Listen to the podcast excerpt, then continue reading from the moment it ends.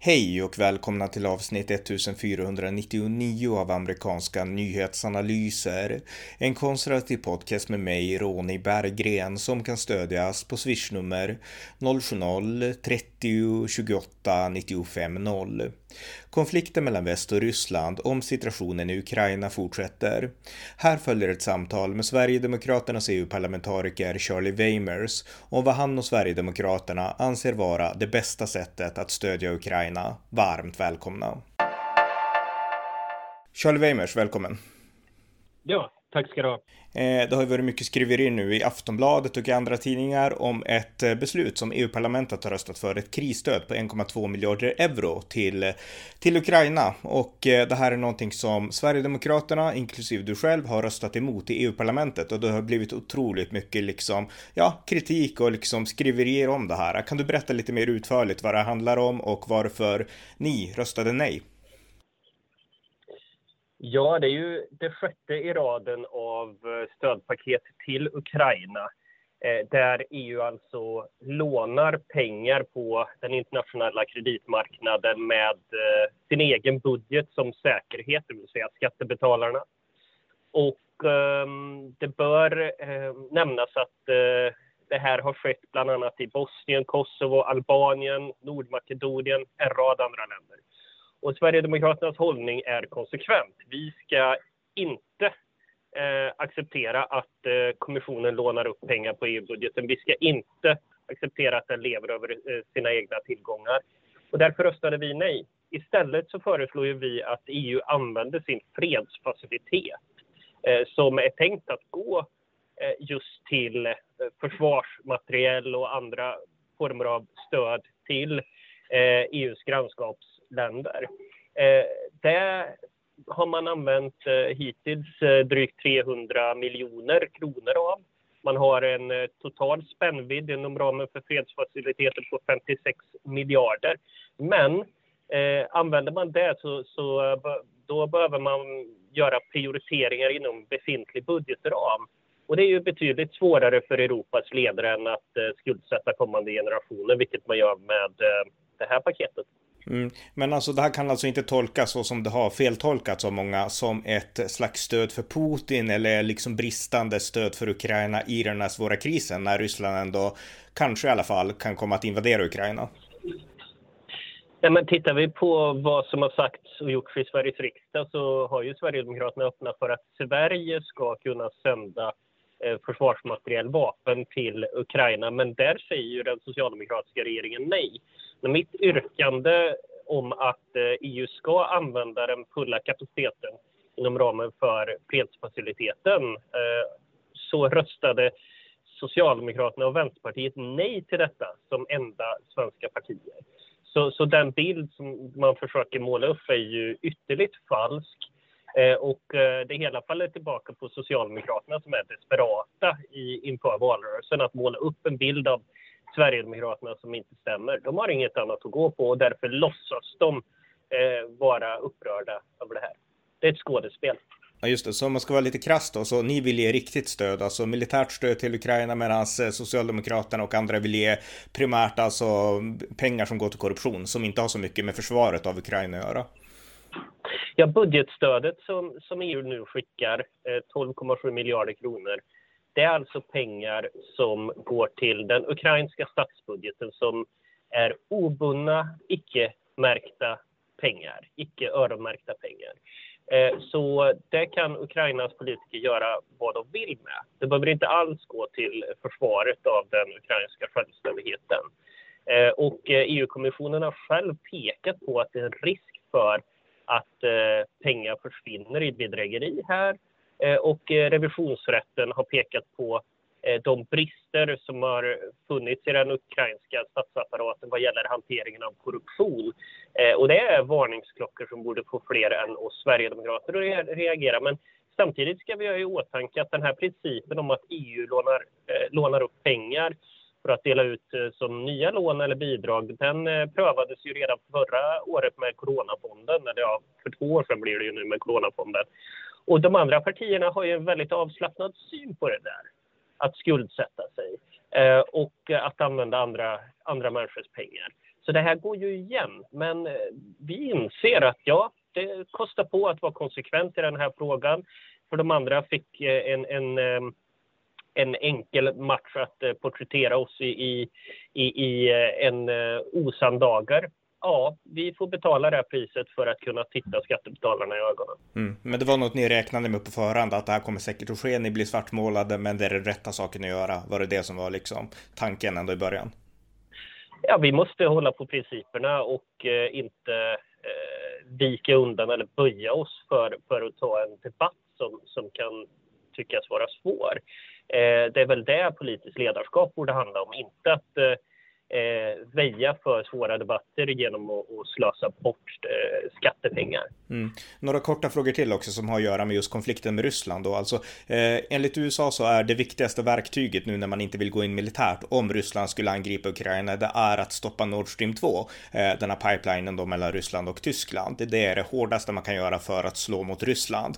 Och eh, om jag förstått saken rätt så har du sagt att det här är något ni stöder, ett stopp för Nord Stream 2 eh, och att ni är liksom för, för väldigt hårda sanktioner om Ryssland skulle gå in i Ukraina. Stämmer det?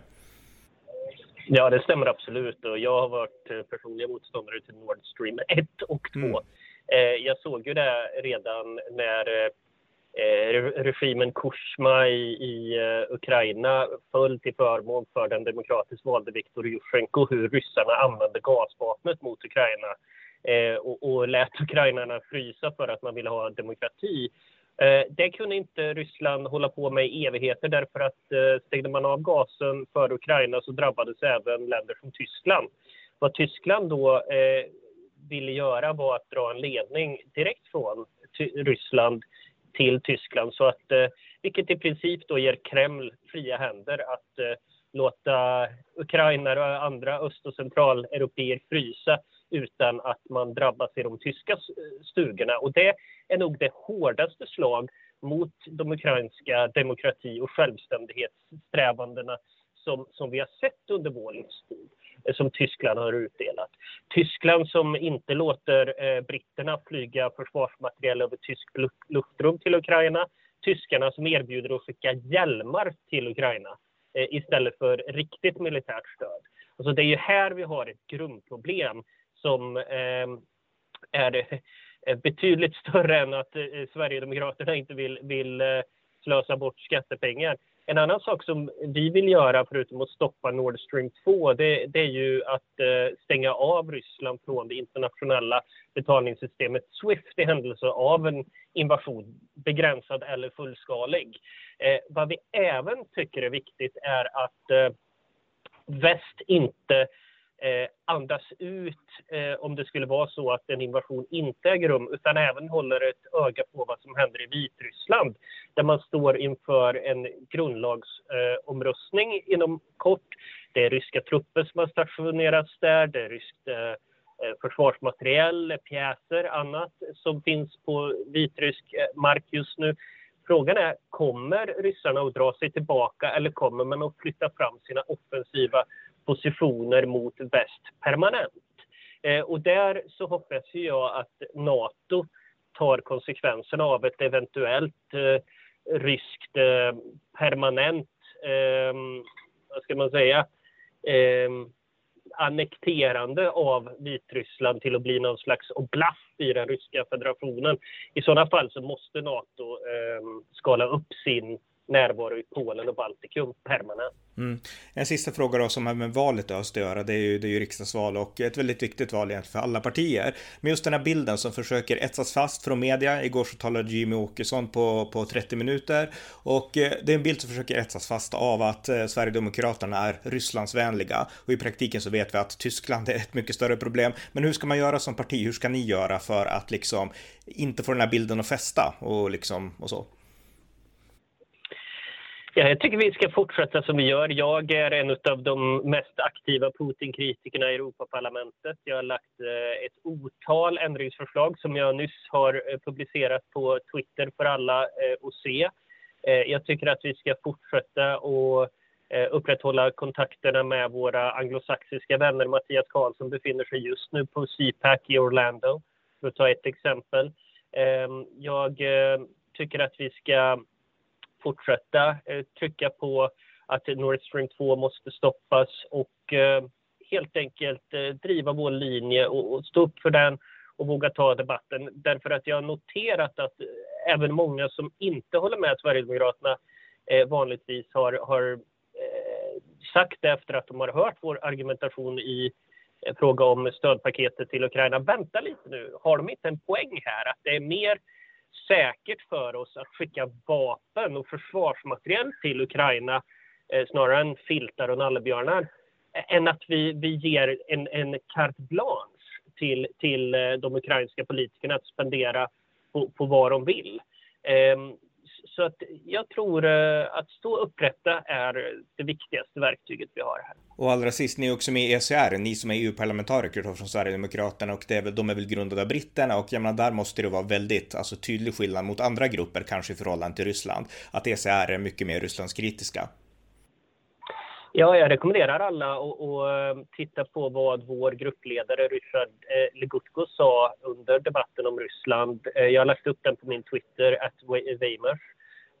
Då får man en bild av den analys som vi som konservativ grupp har gällande den ryska imperialismen och hur den bör bemötas. Det råder inga tvivel om var vi står i den frågan, både som parti och som partigrupp. Just det, okej. Okay. Ja, men tack så mycket Charlie. Tack ska du ha Ronny. Ja, det var alltså min intervju med Shirley Weimers och innan vi avslutar så tänkte jag här spela ett klipp från ett tal som Shirley höll inför EU-parlamentet där han då förklarade sin och eh, Sverigedemokraternas syn på hur man ska stödja Ukraina bäst och eh, hyckleriet hos Socialdemokraterna. Tack fru talman. Ska EU skicka pansarvärnsvapen eller filtar och fältsjukhus till Ukraina? Vapen eller miljardbelopp som kan försvinna?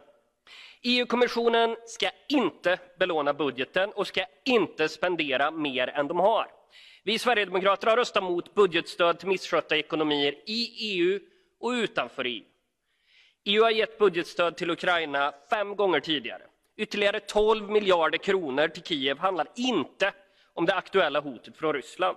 Kommissionen varnar för att pengarna kan försnillas eftersom det rör sig om icke öronmärkt budgetstöd som kan användas fritt. Att revisionsrätten pekar på landets utbredda korruption borde få varningsklockorna att ringa. Istället bör vi ge militär utrustning genom fredsfaciliteten och straffa Ryssland med hårda sanktioner om de invaderar. Mitt eget land Sverige bör bistå med försvarsmateriel, men se det är Socialdemokraterna emot. Vårdslös hantering av skattepengar och falsk solidaritet med det ukrainska folket är vad det är. När britterna skickar vapen till Ukraina inspireras svenska sossarna av tyska regeringen som vill skicka hjälmar. Det är hyckleri. Det var avsnitt 1499 av amerikanska nyhetsanalyser. En konservativ podcast som kan stödjas på swishnummer 070-30 28 95 0 eller via hemsidan på Paypal, Patreon eller bankkonto. Det var allt för den här gången. Tack för att ni har lyssnat.